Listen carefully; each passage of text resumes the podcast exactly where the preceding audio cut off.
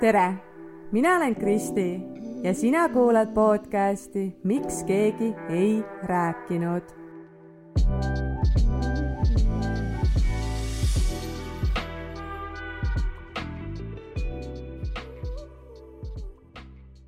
hei, hei, viimasel ajal on elu nii kaootiline, ma üldse ei saa sellesse õigesse rütmi, et et äh, podcast tuleks nädala keskel, et mul on kindlad trennipäevad. me oleme siin äh, sõbrannadega kokku saanud, ma olen, äh, käisime Tartus perega sõpradel külas eelmisel nädalavahetusel, siis mul läks auto parandusse ja, ja kuidagi kogu aeg on kõik, kõik mingit pidi nihkes. igatahes siin ma nüüd olen laupäeva hommikul, ma loodan, et äkki vaikselt järgmisest nädalast saab selle rütmi natukene rohkem jonksu, aga, aga praegu on nii, siis on nii.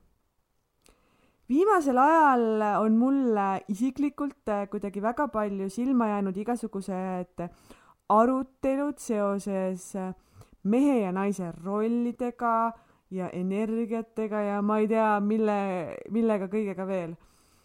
kuidagi väga tugevasti aetakse taga minu silmis siis seda nii-öelda õiget ja, ja tehakse teistpidi maha siis seda, mis ei ühti nii-öelda enda arvamusega.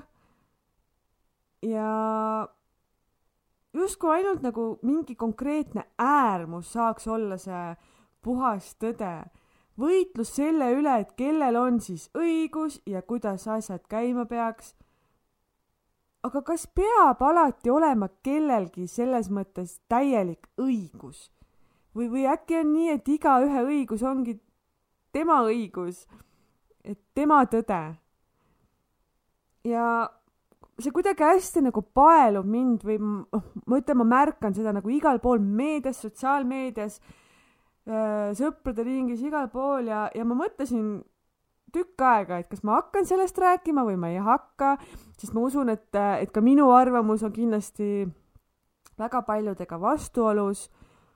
aga samas see podcast on ju koht, kus saangi mina enda isiklikke eh, mõtteid jagada ja, ja nüüd ma võtangi ikkagi sellest kõigest ise ka nii-öelda kinni ja natukene siis jagan seda enda vaatenurka kuidas mina näen neid erinevaid rolle, ma ei tea, meeste ja naiste töösid, palgavõrdsust, mida ma arvan uste avamisest ja õhtusöögi valmistamisest, restorani arve kinnimaksmisest, noh, millest iganes, et vaatame, kuhu, kuhu me siis siit äh, täna välja jõuame. ma tahan kohe alguses ära mainida selle, et, et minu kordan, et puhtalt minu arvamus ja minu mõtted, et minu ainus tõde saab minu jaoks olema see, et äh, et igalühel on õigus oma arvamusele ja, ja me ei pea niivõrd ristipidist äh, siis nagu maha suruda kuidagi üritama. ehk et iga inimene võiks olla ju tegelikult ikkagi nagu minu, minu arvates nii mõistlik ja, ja niivõrd palju avatud, et ta suudab teiste inimeste tõekspidamistest ja uskumustest enda jaoks äh, siis välja loppida need asjad, millesse ta ise usub, mis kattuvad.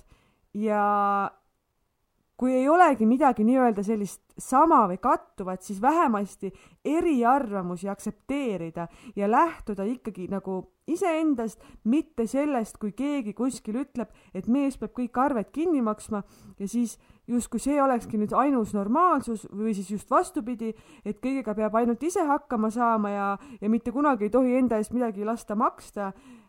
et äh, ma saan sellest ka aru, et mida noorem on inimene, seda enim on ta mõjutatud teistest ja vanusega tuleb lihtsalt paratamatult seda isiklikku kogemust ja, ja taipamisi juurde. aga ma kordan jälle, et, et mina jagan siin täna enda isiklikku vaatenurka kolmekümne kahe aastase naisena, eh, mis on hetkel siis minu jaoks inimesena ja naisena vastuvõetav, aktsepteeritav mis on meeldiv ja, ja tahan rõhuda sellele jah, et ma ei kuuluta siin mingisugust tõde. kui sa võtad siit midagi kaasa, on hästi, kui sa vaidled vastu, on hästi, et igatepidi on okei okay. Ja, ja rohkem tulekski jah, ikkagi sellele iseendale keskenduda ja mitte võib-olla siis lasta niivõrd palju end teistest mõjutada või, või igasuguse sellise vooluga ei pea ju alati kaasa minema. ma leian, et eriarvamustes ei pea kellegi arvamus olema see ainus tõde ja võit ja kellegi arvamus kaaluma üle. Kui mina arvan ühte ja sina arvad teist, ei tähenda ju see tegelikult seda, et, et meist üks arvaks valesti. see ei pea ju seda tähendama. eludes on äh, nii tohutult palju erinevusi ja igasuguseid tahke, igalühel on oma lugu, omad kogemused. noh, see on niivõrd erinev, et paratamatult see minu õde, õige ei saagi olla kellegi teise õige samal kujul. ja, ja meil ei peagi olema ju selline üks kindel tõde kogu maailma jaoks vähemasti minu arvates. suures plaanis ma usun, et, et mehed ja naised on võrdsed. et ma võtangi siis nüüd selle teema siis sellise nurga alt ette, mehed ja naised. Mehed ja naised on võrdsed kui inimesed. ja minu meelest on absoluutselt normaalne see, et keegi ei ole mitte kellestki üle ja ka nii-öelda kolmandate isikute poolt äh, kuidagi ebavõrdselt koheldud. aga samas see on ju ka tõsiasi, et äh, nii-öelda emased ja isased on loodud ka erinevateks. meile ei ole antud looduse poolt äh, samasugust keha samade funktsioonidega. mehe keha on ühtemoodi, naise keha on ühtemoodi meel, mõistus, äh, noh, ma arvan, et need kõik on ikkagi mingis mõttes erinevad. nii inimeseti erinevad kui ka siis soolises mõttes erinevad. see on ju fakt või, või ei ole? Ma ei tea, minu meelest on. millegipärast on antud just naise kehale see võime saada lapsi. see tähendab siis, et, et kanda seda rasedust aga et naine saaks seda rasedust kanda, siis ei piisa ju tegelikult ainult temast ja ilmselgelt on äh, mees äh, selles mängus ka väga vajalik. aga samas jällegi, kas need rollid on võrdsed, kas need peavad olema võrdsed? no kuidas võtta, eks? mõlema panus on võrdselt vajalik. vähemalt jälle mina arvan nii.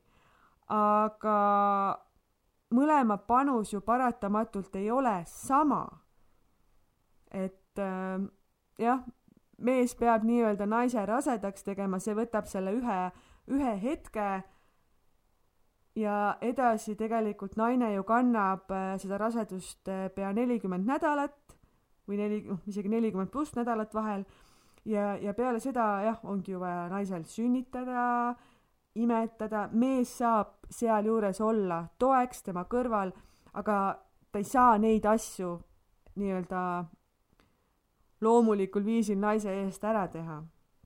et need on asjad, mida saab ainult naissugu teha ja sellel on kindlasti evolutsiooniliselt mingisugune oma põhjus, miks see just nii on.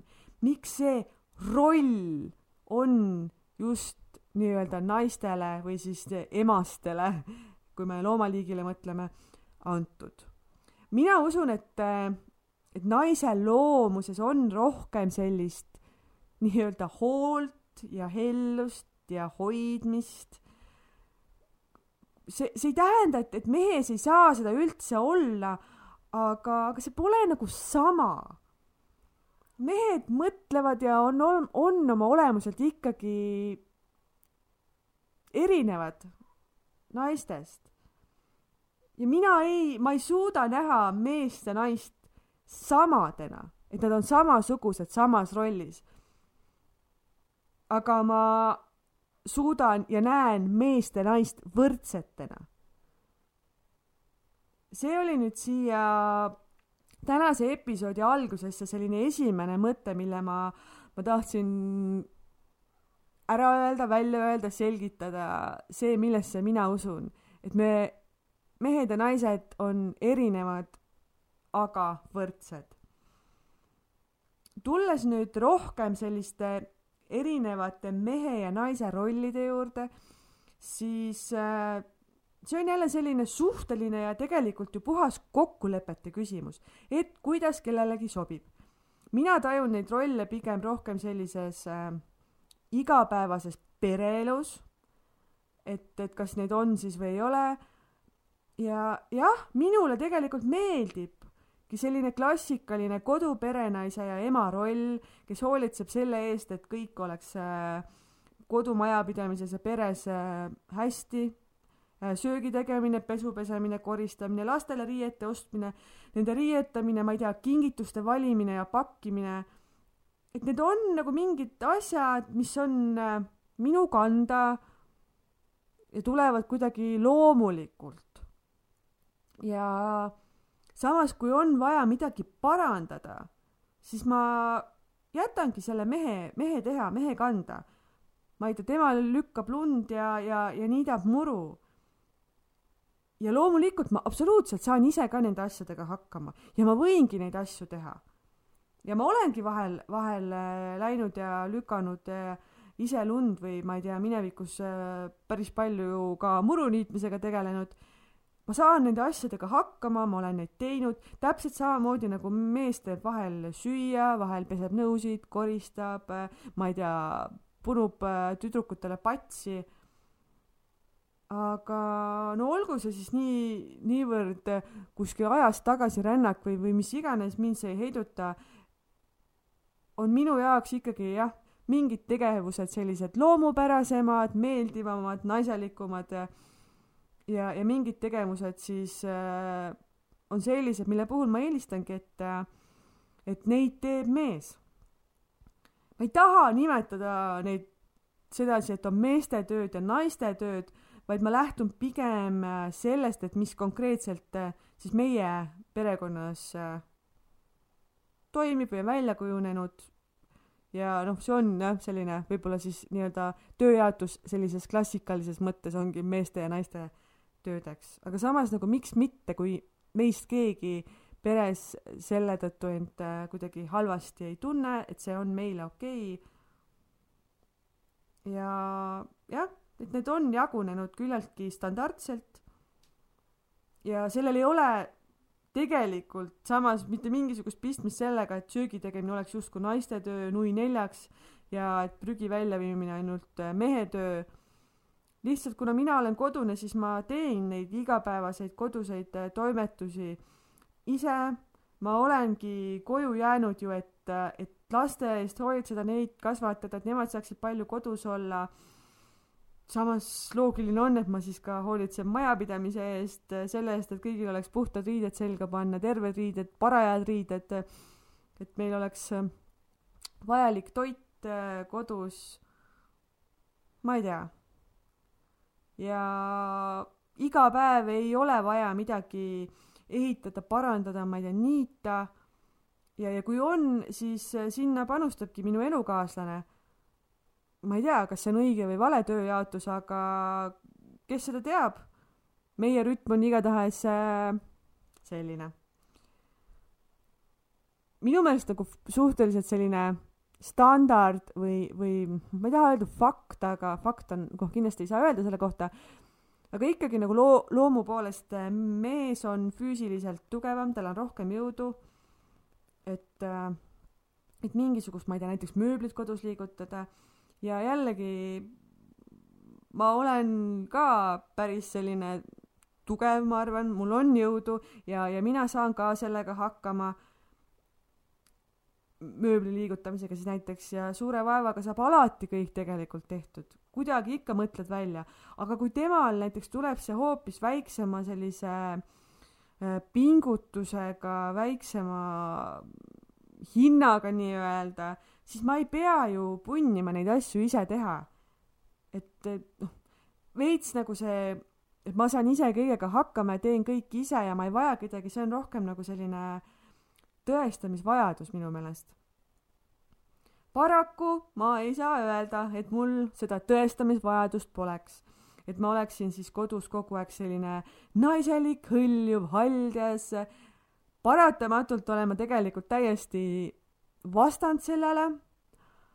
ma olen kasvanud üles sellise suhtumisega, et ma pean end kogu aeg tõestama, et olla väärtuslik, et olla märgatud, et olla keegi ja, ja kui ma pean kogu aeg end tõestama, järelikult ma saan kõigega hakkama, ma peangi kõigega ise hakkama saama, ma olen nii iseseisev ja tubli ja mul pole kedagi vaja ja nii edasi, eks. ma ei ole kodus äh, sätitud soengu kleidi ja lehviva põllega, ma keksin kodus kolm päeva vahel äh, kolm päeva vana krunniga ringi ja mul on mingi lai suvaline T-särk seljas nagu printsess, kes? Ma väga tihti jonnin äh, tegelikult sellise käitumisega või noh, väljendan seda jonni selle käitumisega, et ma ei vii ise prügi välja või, või äh, sellega, et kui mees samal sekundil kohe midagi minu palvetele vastavat tegema ei hakka, siis ma hakkan kohe ise tegema, et ma ei oota, ma ei kannata. ja see on jälle siuke tõestamine, et ah, ma saan ise hakkama, mul pole kedagi vaja ja sähk sulle näitasin, onju. noh, nõme tegelikult ja kui nüüd võtta see selline popp teema nagu naisenergia ette, siis kindlasti ei kuulu selline käitumismaneer siia naisenergia kategooriasse ja, ja siin pean ütlema, et tegelikult see, see lõpuks väsitab ära. ja, ja see paneb puudust tundma endast kui naisest.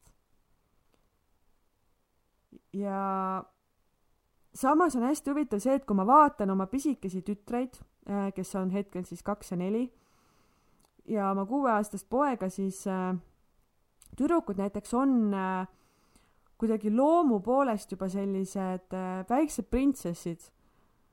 Nad on äh, nii-öelda rikkumata, neil tuleb loomulikult selline hõljumine äh,, kuidagi seda naiselikkust kiirgab nendest väikestest inimestest äh, hästi tugevalt välja ja mina ei ole ju naine, kes end iga hommikul meigiks ja kannaks kleiti ja sätiks, ma ei hõlju sedasi kodus ringi, et, et ma ei ole see eeskuju.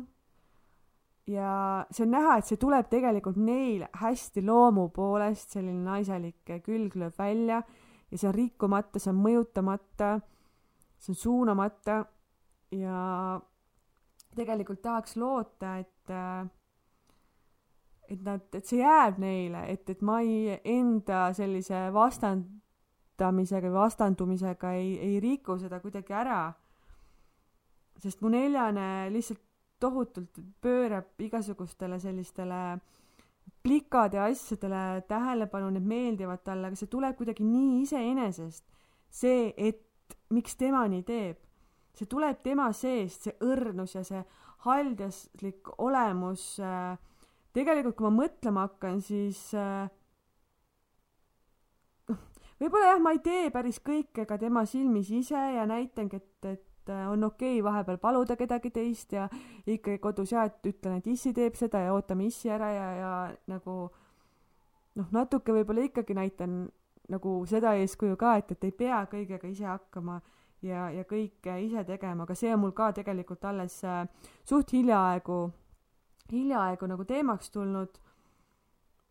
ja ma tahaks loota, et siis sellest ka tema tajub, et ta ei pea ise kõike ja, ja ongi väike printsess äh, ja selle pideva tegutsemise energia ta siis ilmselt suunabki rohkem endale nii-öelda nendesse meeldivatesse tegevustesse talle meeldib tohutult joonistada, ta laulab hästi palju, selline pidev kostüümide vahetamine, erinevad soengud, ma ei tea, küünelakid, kivikesed, ehted, meik, et äh, jah, võib-olla selline kergelt ka selline teatraalne või ülevoolav või selline esineja, selline särav täht, et see, see kõik lööb äh, temas välja ja ma näen juba ka kahese pealt, et ka tema noh, tema võib-olla võtab siis oma suuremast tõest šnitti ja teeb tema järgi, aga, aga ka on selline esineja ja edev ja, see on nii tore.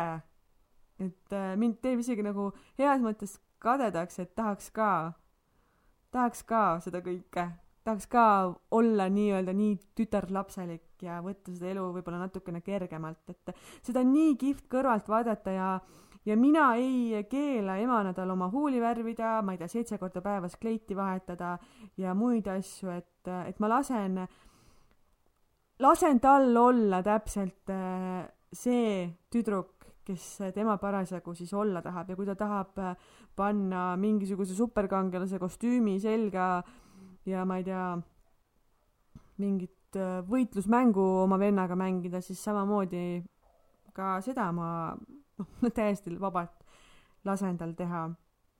et ma pean tõdema, et, et minu nelja-aastane on mulle naiseks olemises, äh, ma arvan, suuremaks eeskujuks kuidas olla see õrn ja habras selline voolamises naine. ta mulle suuremaks eeskujuks kui mina talle. ja see on tegelikult nii äge, et ma praegu sellise mõtteni jõudsin, täiega kihvt. Aga tulles nüüd eh, enda kui selle äh, naisenergia või, või selle naiselikkuse vastandi juurde tagasi, noh, vastand ei ole ka ilmselt päris õige aga võib-olla jah, et seda naiselikku külge on minus vähem kui siis mingisuguseid muid külgi, siis see, nagu ma ennegi mainisin, see väsitab tohutult tegelikult, et äh, et ma olen ise nii-öelda selle bossi rolli võtnud, selle, kes otsustab ja vastutab, on äh, tihtipeale siis nii-öelda seal meesenergias või, või mis iganes, et kogu aeg on mingi tegutsemine, sabimine, vastutamine, orgunnimine ja tegelikult aluse sellele kõigele paneb see minu mingi tohutu kontrollivajadus, mis tuleb ka lapsepõlvest. ilmselt seal taga on mingisugune hirm ja haiget saamine ja, ja ütleme, selline negatiivne, et, et mul on praegu hästi tugev vajadus siis kõike kontrollida. et kui ma kontrollin ise, see annab siis mulle seda turvatunnet.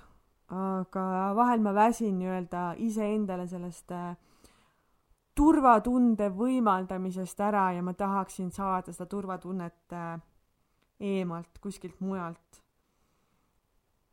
Ma ei taha, et on kogu aeg nii, et kui mina, et ma, et ma tunnen, et mina pean kontrollima, sest siis ma tean, et asjad lähevad enam-vähem minule ootuspäraselt.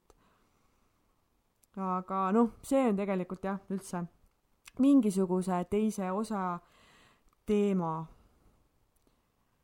ühel hetkel ma tundsin, et see võimukus, mis siis selle kontrollivajaduse ja kogu selle, noh, tegelikult see võimukus kogu minu elu, elu taga, mis, mis seisab, et see on, äh, see on mu jumalast ära kurnanud, ma hakkasin seda väga tugevalt tegelikult oma kaaslase peale peegeldama ja see mõjutas hästi palju meie paarisuhet ja tegelikult üleüldse perekonna dünaamikat, see ajas selle tegelikult paigast ära ja sealt omaette hakkasid muud probleemid kooruma.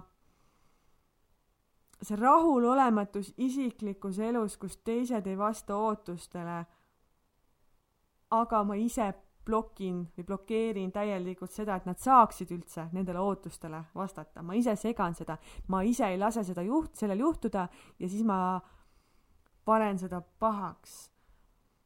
ja sealt maalt kuskil viimased, ma ei tea, aasta, poolteist ma olengi natukene rohkem äh, läinud siis süvitsi sellega või mõelnud sellele rohkem, et, et mis roll on siis mehel ja mis roll on naisel.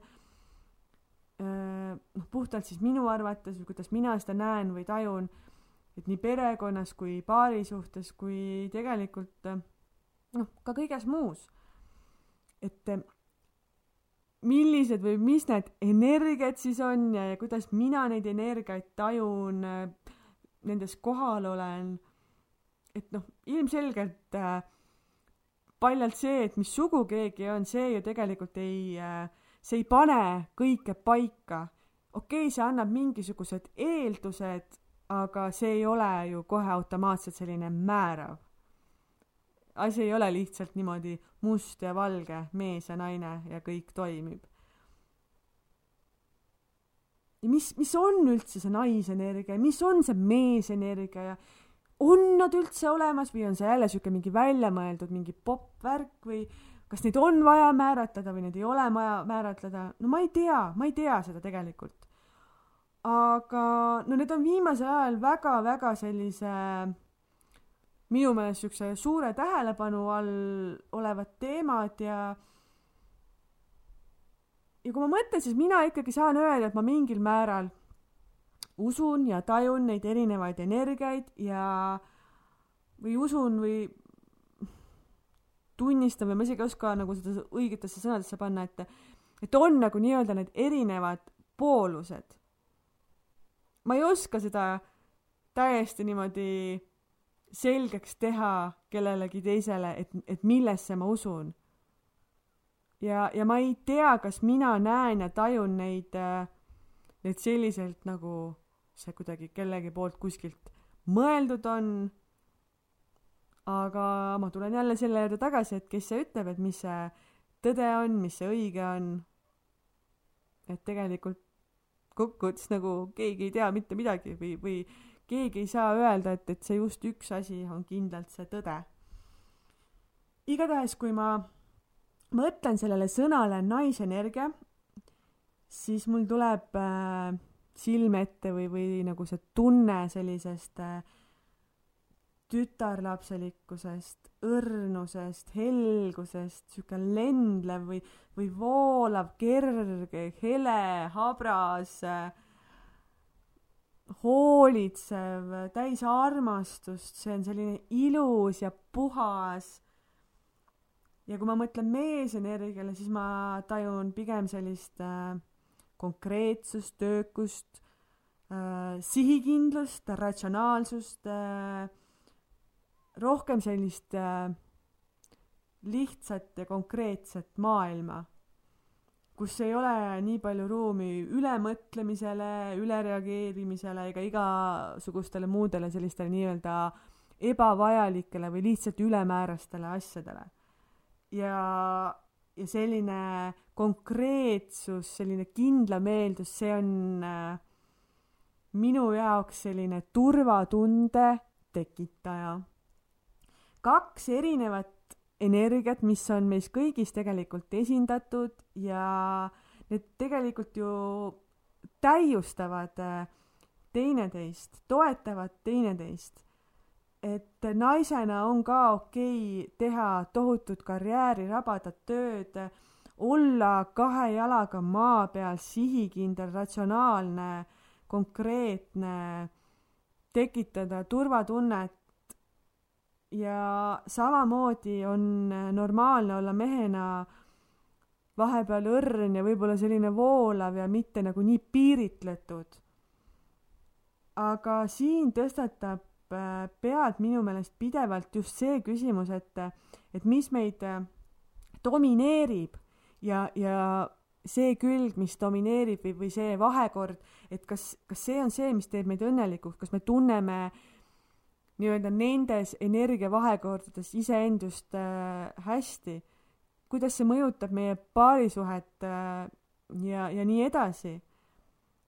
kusjuures esimest korda ma üldse arutasin kellegagi seda naisenergia teemat äh, oma psühholoogi kabinetis, oma psühholoogiga, et ei olnud üldse kuskil sellises mingis uhuus keskkonnas või, või internetiavarustes, et täiesti tavapärases olukorras ja ma tundsingi, et, et mul on vaja nagu see mure ära kurta, et äh, ma sain aru, et minu paari suhtes on rollid täiesti valesti või, või vahetunud. Et mina olin justkui paari suhtes selles mehe rollis ja mu mehe ja oma mehe lükanud siis naise rolli. ma, mina dominant ja, ja siis samas ma tundsin, et aa, minu eest ei hoolitseta, sest ikkagi mingit seda naiselikku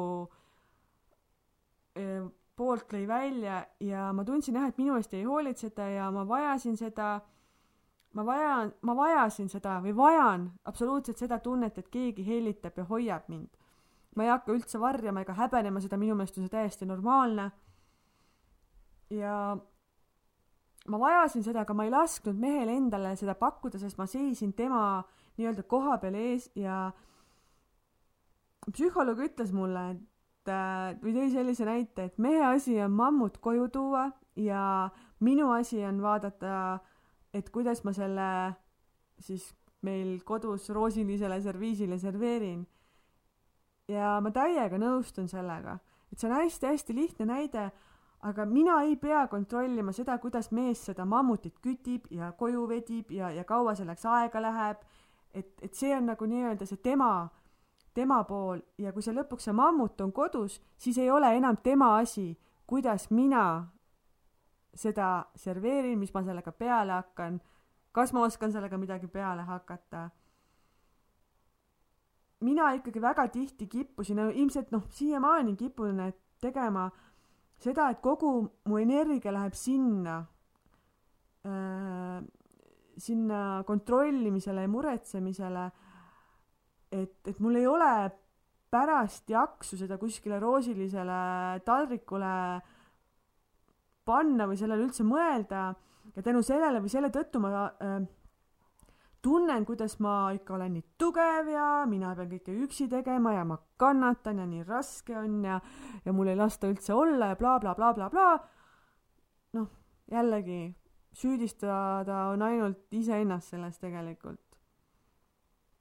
ma usun, et, et mees ka tegelikult tihtipeale tahab äh, ikkagi tunda seda, et, et ta on vajalik ja tema tööd ja tegemised on olulised, et tal on selline kandev roll, et see on tema viis hoolt kanda ja et teda tunnustatakse selle eest ja naine tahab täpselt samamoodi oma helluse ja helgusega end vajalikuna tunda ja, ja selle eest tunnustust saada.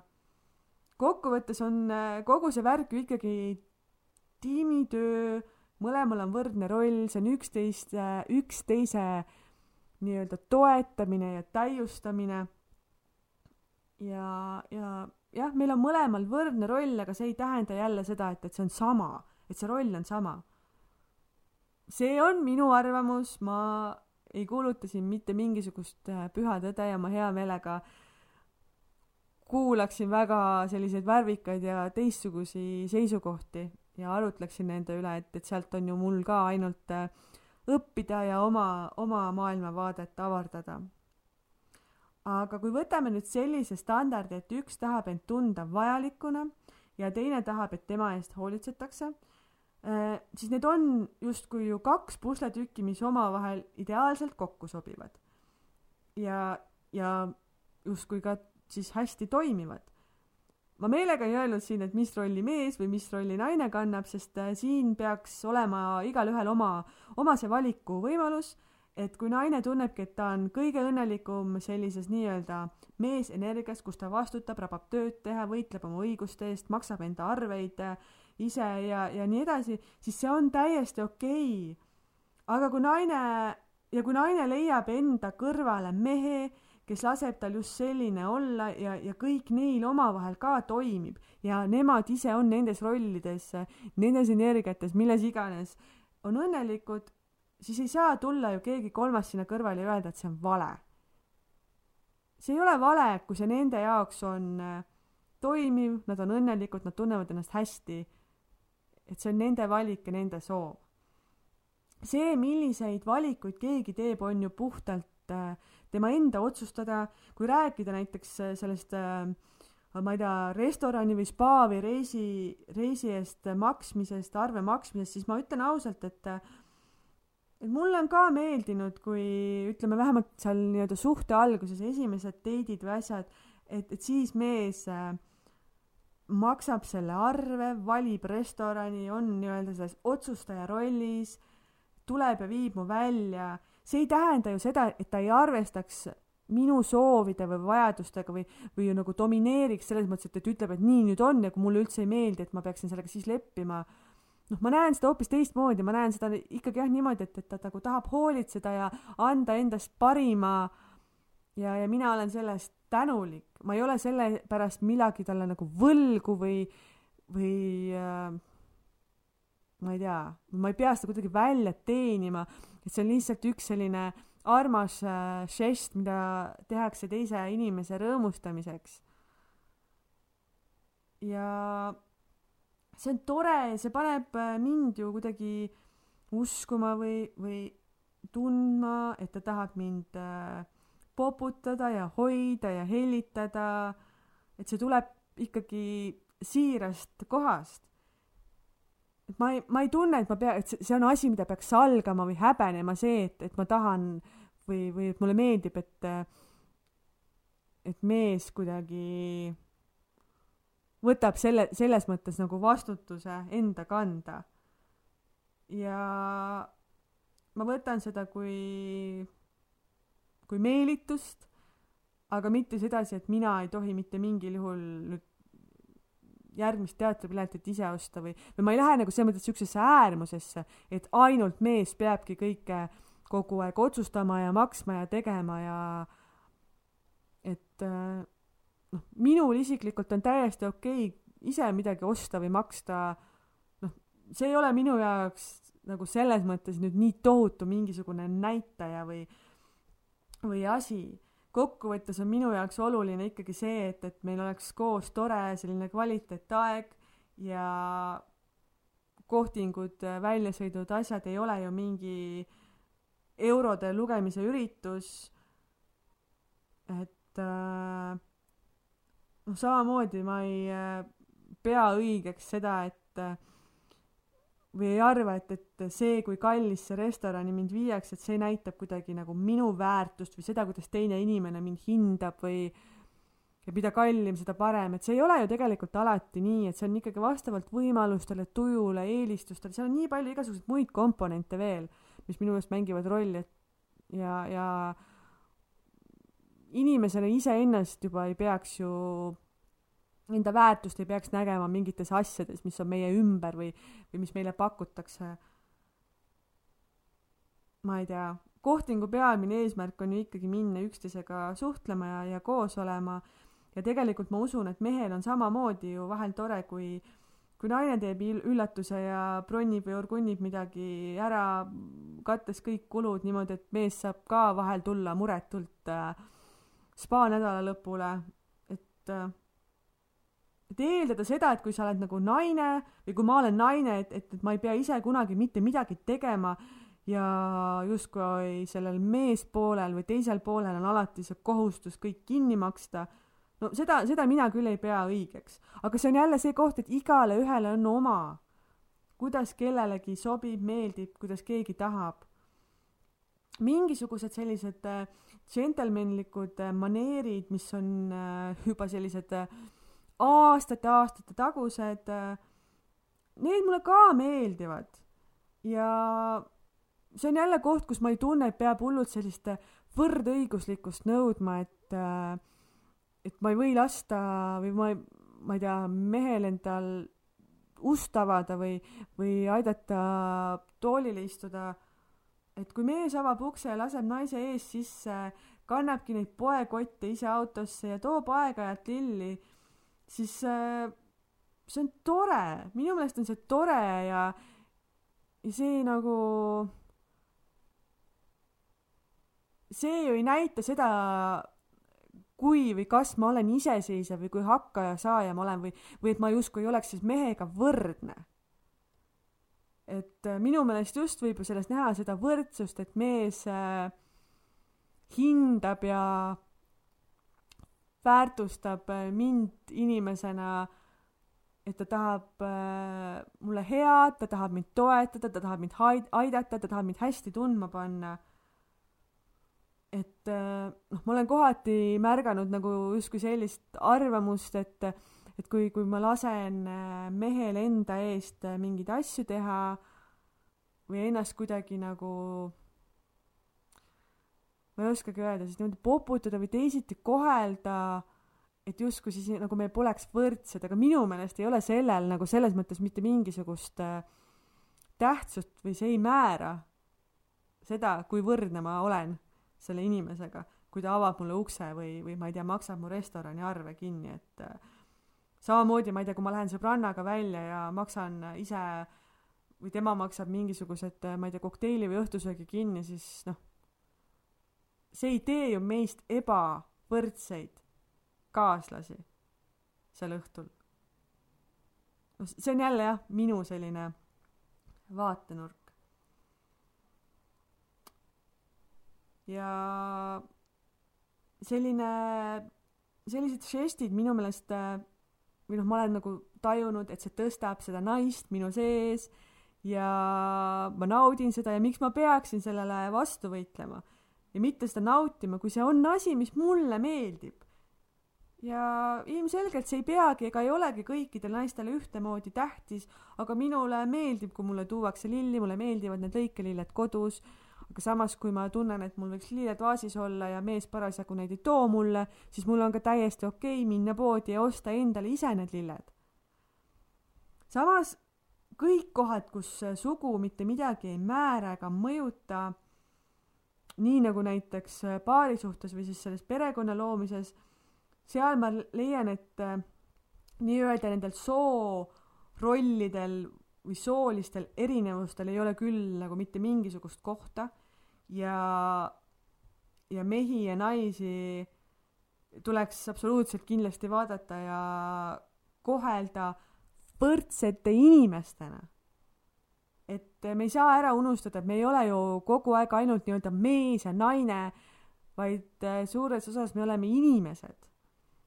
ehk et naised ja mehed äh, kuskil võrdsetel juht, et naised ja mehed peavad olema võrdsed ja võrdsete õigustega juhtivatel positsioonidel poliitikas, ma ei tea, majanduses, meditsiinis, hariduses, kunstis, no igal pool tegelikult ja, ja nende arvamused ja mõjuvõim peavad ka olema võrdsed.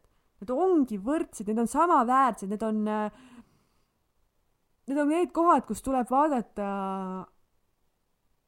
inimest kui inimest, tema oskusi, tema väärtusi, seda, mida tema saab anda, panustada, neid asju tuleb hinnata. et noh, see on nagu jah, täielik absurd minu meelest, et kui kaks inimest, üks on mees ja teine on naine, teevad täpselt samasugust tööd, et nad saavad näiteks erinevat palka või et kuidagi jah, et nagu mehed on rohkem hinnatud ja, ja kuidagi meestele pakutakse suuremat palka, et noh, see on minu arust täiesti absurdne. et kui see kaks inimest annavad täpselt samasugust väärtust, võib-olla naine annab võib-olla veel suurematki väärtust, onju, et miks ta peaks siis olema vähem makstud sellele ma ei suuda mitte mingisugust loogikat ega õigustust äh, leida, samamoodi ka arvamuste olulisusele, et äh,, et naise arvamus ei ole kuidagi vähem tähtis, vähem äh, õigustatud, vähem õige kui, kui mehe arvamus. et see näiteks äh, kajastub minu meelest hästi palju poliitikas vaadates siis, kui palju meil on naisi juhtivatel kohtadel äh, või, või riiki esindamas äh, versus siis mehed, et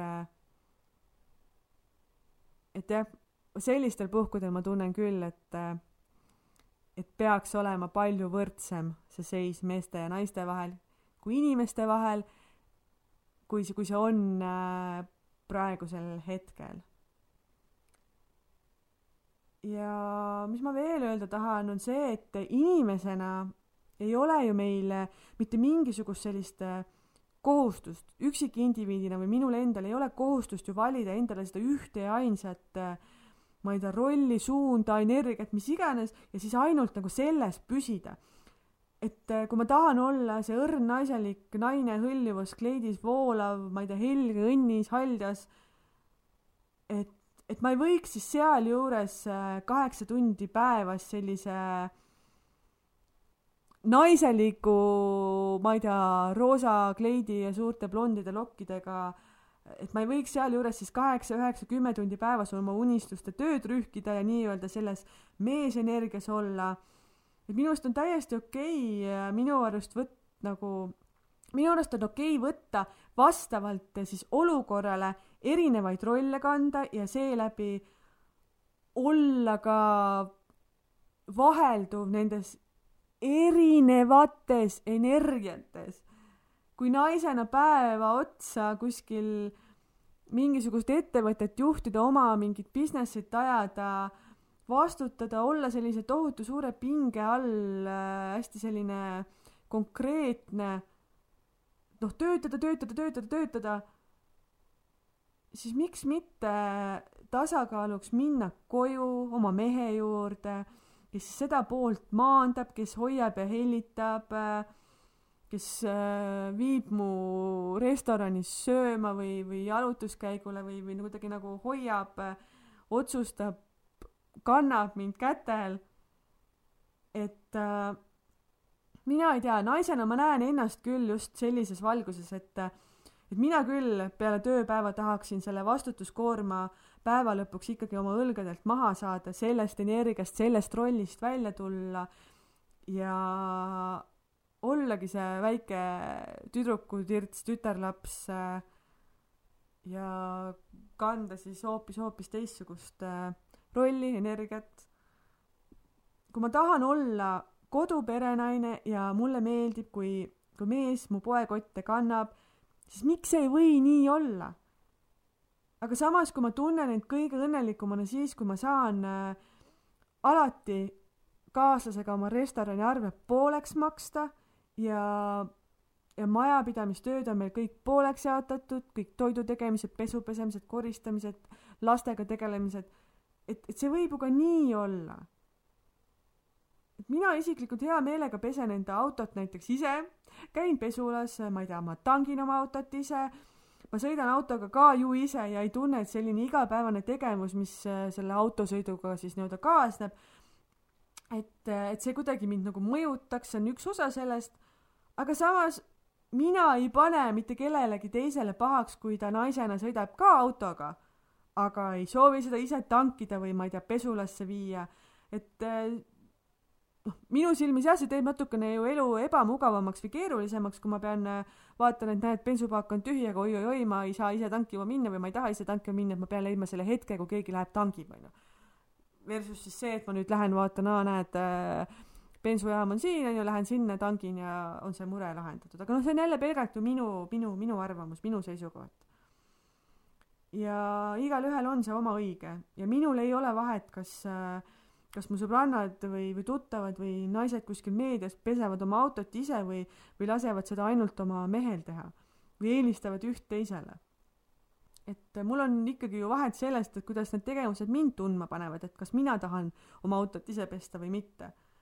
samas autot remontima ma ise ei hakka, et kui ma kuulen, et seal midagi koliseb või mingi õli on kuskilt otsas või noh, mis iganes, ma ei tea, ma ei lähe neid kojamehi ja rehve vahetama, sest mina tunnen, et mina ei taha seda teha aga on naisi, kes saavad suurepäraselt sellega hakkama, kes tunnevad selle vastu huvi, kes tahavad seda ise teha ja see on jumala okei okay, minu meelest.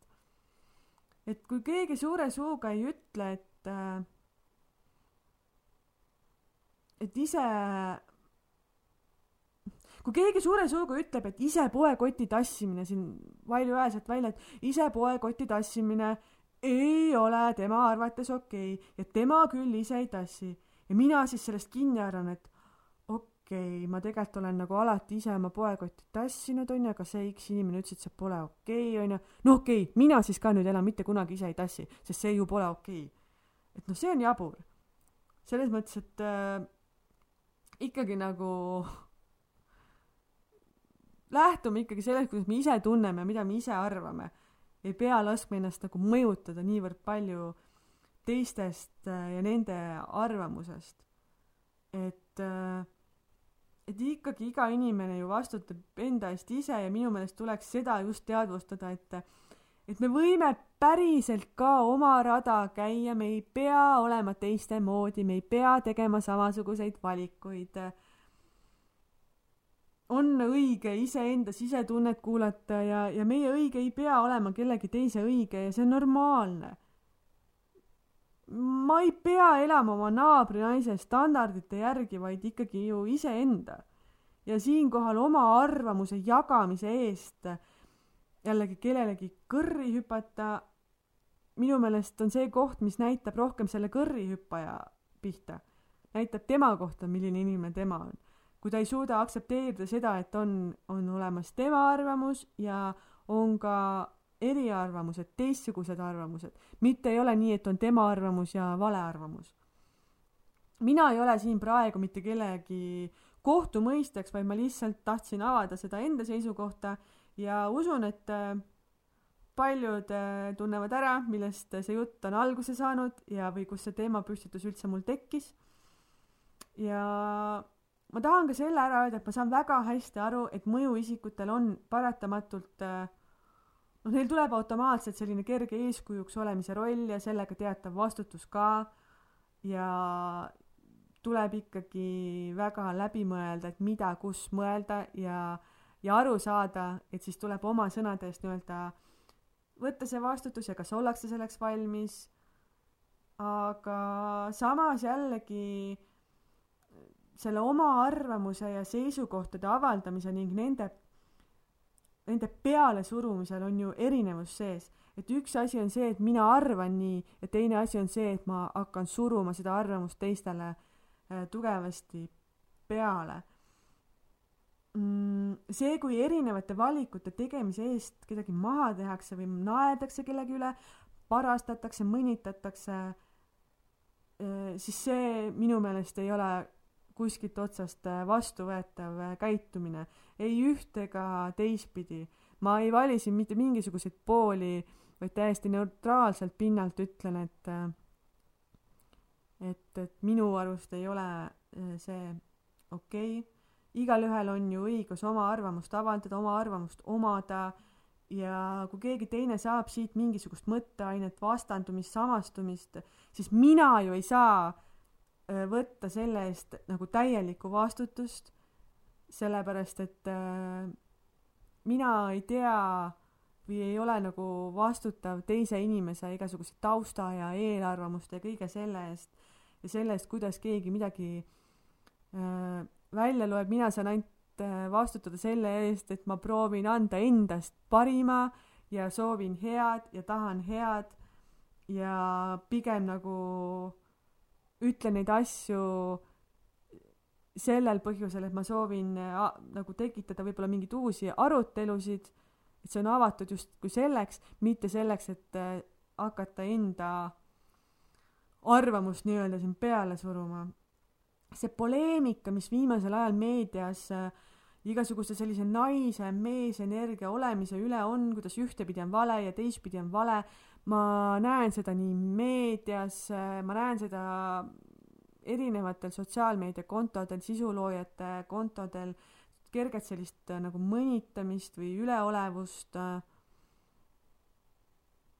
ma ei tea, minu meelest peaksid kõik inimesed, nii need sellised äh, kahe jalaga maa peal inimesed kui ka igasugused sellised uhuutajad olema teiste suhtes, endast erinevate inimeste suhtes oluliselt tolerantsemad ja mitte kogu aeg nagu kõike ise isikliku rünnakuna võtma ja mitte ise ka kogu aeg nii tohutult palju ründama. minu meelest tuleks siin ikkagi rõhuda sellele, et milline inimene ise on ja mitte äh, kopeerida kedagi teist, ajada rohkem oma asja. Et usu ikka seda oma tõde ja hoia oma selget mõistust, analüüsivõimet ja keskendu sellele, mis sinule endale sobib. et energiat võiks ju pigem nagu endasse süstada, mitte kulutada seda kellegi teise materdamiseks või kogu aeg mingiks tohutuks võitluseks. et äh, jah, et kui, kui, kuskilt tuleb mingisugust infot, siis peaks nagu olema suuteline analüüsima seda ja aru saama, et kas see sobib mulle, kas, kas see, kas see, kas see nagu, kas ma arvan, et see sobib mulle sellepärast, et see sobib sellele X inimesele või see tegelikult ka sobib mulle. isegi kui kellegi teise meelest on vale see, et et sa pead ise oma autoga restorani sõitma kohtingule või, või hoopis see, et ise oma autoga pesulasse minna ei taha. noh, mina olen mina ja sina oled sina. ja kui ma tulen korraks tagasi selle naisenergia teema juurde, siis äh, just nagu enda, enda mõistes, siis äh, mulle täiega meeldib naine olla, mulle meeldivad ilusad asjad, mulle on alati meeldinud ilusad asjad äh,. sihuke ekstravagantne, suurejooneline, väljapaistev sätendav, värviline, uhke, mulle meeldib iseenda eest hoolitseda ja, ja end hellitada. ma ei tea, kui ma tean juba, et mul on nagu mingisugused äh, head, äh, ma ei tea, iluhooldusvahendid, siis see automaatselt kuidagi tõstab mu energiat, paneb mind paremini tundma. ja mulle meeldib ennast hellitada täpselt sama palju kui see, et keegi teine hoolitseb minu eest kogu see õrnus ja sensuaalsus, emalikkus, armastus, kõik, ma ei tea, kleidid, huulepulgad, soengud, kodu, koduks muutmine igasuguste nipsasjakestega, ma ei tea, tekikeste, pleedide, padjakeste, vaipade, küünaldega. kõik selline klassikaline ja tegelikult sellise elemendis ma tunnen end alati kõige õnnelikumana, võimsamana ja sellise parema inimesena kui ma saan eelkõige naine olla, just selline naine, kelleks olemist ma ise naudin. aga kui mul on kogu aeg energia kulutatud kõigele muule, igasugusele rööprähklemisele, tegutsemisele, vastutamisele, kontrollimisele, siis mul ei ole paratamatult jäänud ei aega ega energiat endale kui naisele, see on jälle kohe selline asi, mis kannatab ja mida rohkem see süveneb, seda rohkem ma tegelikult hakkan seda poolt, seda naiselikku poolt äh, igatsema, sest ma olen justkui iseend ära kaotanud. sest eelkõige olen ma ju mina ja mina on naine ja kõik sellega kaasnev ja hästi raske on end sellesse tegelikult tagasi tuua. et äh, ma võin need huuled punaseks värvida ja kontsakingad jalga panna, aga see on tegelikult ainult see hetk, et äh, minu jaoks ei piisa lihtsalt sellistest äh, välistest asjadest, et seda nii-öelda naiselikku poolt, naiselikku energiat endasse tõsta ja hoida. et see on ikkagi midagi rohkemat kui lihtsalt kleidid ja, ja et keegi avab mulle uksi, midagi palju sügavamat. see on selline tunnetus, mis tuleb äh, minu seestpoolt ja tegelikult ilmselt alguse saab üldse ikkagi mõttemaailmast ja sellest suhtumise muutmisest kui igasugustest äh, ümbritsevatest füüsilistest äh, asjadest. see igatsus ja puudustunne on minuga käinud, nagu ma enne mainisin, juba üle aasta ja kui ma nagu rohkem seda tajuma hakkasin ja kuidagi ma ei tea, teadlikumaks muutusin selles osas ja nüüd ma vaikselt hakkan end jälle naiselikumana tundma, siis ma naudin seda rolli, energiat või mis iganes see on, ma pööran iseendale ja jälle oluliselt rohkem tähelepanu nii sisemiselt äh, kui ka väliselt. Äh, see tuleb justkui sellest, et või noh, tähendab, see tuleb justkui nii, et, äh, et mida rohkem ma sisemisele tähelepanu pööran, seda rohkem ma ka väliselt muutun ja see väline pool tuleb oluliselt kergemalt sinna kõrvale ma lasen endal olla, ma ei pea kogu aeg midagi tegema ega tõestama. et nagu täiega mõnus on äh, tunda seda, et ma võingi diivanil seal teed juua ja naisteraamatuid lugeda. see on eriti kaif, ma täiega naudin seda, ma ei tunne ennast üldse süüdi. ja, ja see kõik on alguse seestpoolt saanud ja hakkab lihtsalt väljast äh, peegelduma et ma tunnen, et mind on piisavalt, et oma soengut sättida ja ilusaid riideid kanda, et ma tahan seda teha, et ma ei ole enam nii tülpinud ja tüdinenud, et mul on äh, jumala savi, milline ma välja näen, et, et see nagu hakkab muutuma. ja see kajastub tegelikult minu meelest väga palju ka kõiges muus, et äh, kui ma olen äh, nii-öelda naisena ja iseendana sellise tasakaalu ja rahulolu leidnud, siis muutuvad mu suhted paremaks, ma tahan, ma saan oma mehega paremini läbi, meie paarisuhe tõuseb mingile uuele levelile. ma saan oma sõbrannadega paremini läbi, ma tahan nendega rohkem aega koos veeta, ma olen palju parem ema. ma usun, et ma suudan tegelikult endast ka palju parem anda nii tööd tehes kui ka noh, ühesõnaga kõike tehes naine on äh, minu meelest nii, nii tore olla ja ma usun, et äh, heas kohas olev mees mõtleb täpselt samamoodi ka meheks olemise kohta, et mees on nii tore olla. peaasi, et, et oled täpselt selline, nagu sa ise soovid olla. oleme rohkem kohal iseenda elus. me ei pea ründama ja rõhuma kogu aeg igasugustele teiste puudustele või, või nendele asjadele, millega me ei nõustu. kui, kui me saaksime hoopis ju pigem nagu kõiges leida seda, millega me nõustume ja seda positiivset välja tuua ja pöörata sellele heale rohkem tähelepanu. ja lihtsalt siis selle, selle eriarvamuse kõrval näidata, et, et okei okay,, sinu arvamus on selline, aga, aga ka selline arvamus nagu minul on võimalik. ja kuidagi aktsepteerida seda erinemist. Enda tõe peale surumise asemel serveerida asju nii, et ka sellistest või sellisest vaatenurgast saab asju vaadata ja saab ka teisest ja äkki võiksime nii ja naa ja teistpidi asjadele mõelda, proovida vähemalt, olla avatud. ja sealjuures ikkagi igalühel saab olla see oma, oma tõde. ja meil on inimesena alati sellest teise inimese tõest ka midagi kaasa võtta, midagi õppida. ja see ei tähenda seda, et me peame sellega nõustuma. aga igas asjas on alati midagi ja tegelikult me saaksime kõike muuta enda kasuks, muuta üle, üleüldises mõttes nagu positiivseks kasuks. et lihtsalt äh, jah, selliste mõtetega ma täna siis äh, oma osa lõpetan.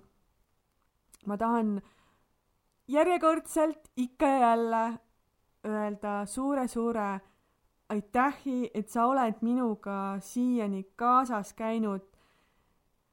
Iga kord, kui ma näen neid äh, suurenevaid numbreid, äh, kui palju mind kuulatud on, äh, see tundub tegelikult nii sürr ja ma olen nii tohutult tänulik, et, et te mind toetate ja tõstate ja